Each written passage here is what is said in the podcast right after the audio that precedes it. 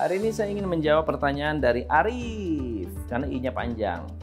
Coach, seandainya saya punya 20 juta di tangan, hanya punya dua pilihan. Investasi atau kuliah.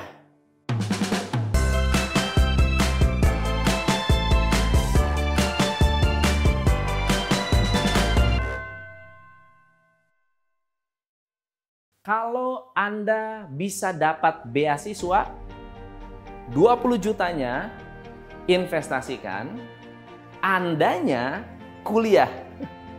Tetapi kalau misalnya Anda tidak punya skill, Anda tidak bisa bekerja, Anda tidak punya skill apa pun yang bisa dijual atau bermanfaat, saran saya kuliah karena dengan kuliah, uang 20 jutanya bisa balik berkali-kali lipat setelah punya ilmu yang baik. Itu jawaban saya. Semoga bermanfaat. Saya Tom MC Ifle, salam pencerahan. Hanya di Top Coach Indonesia.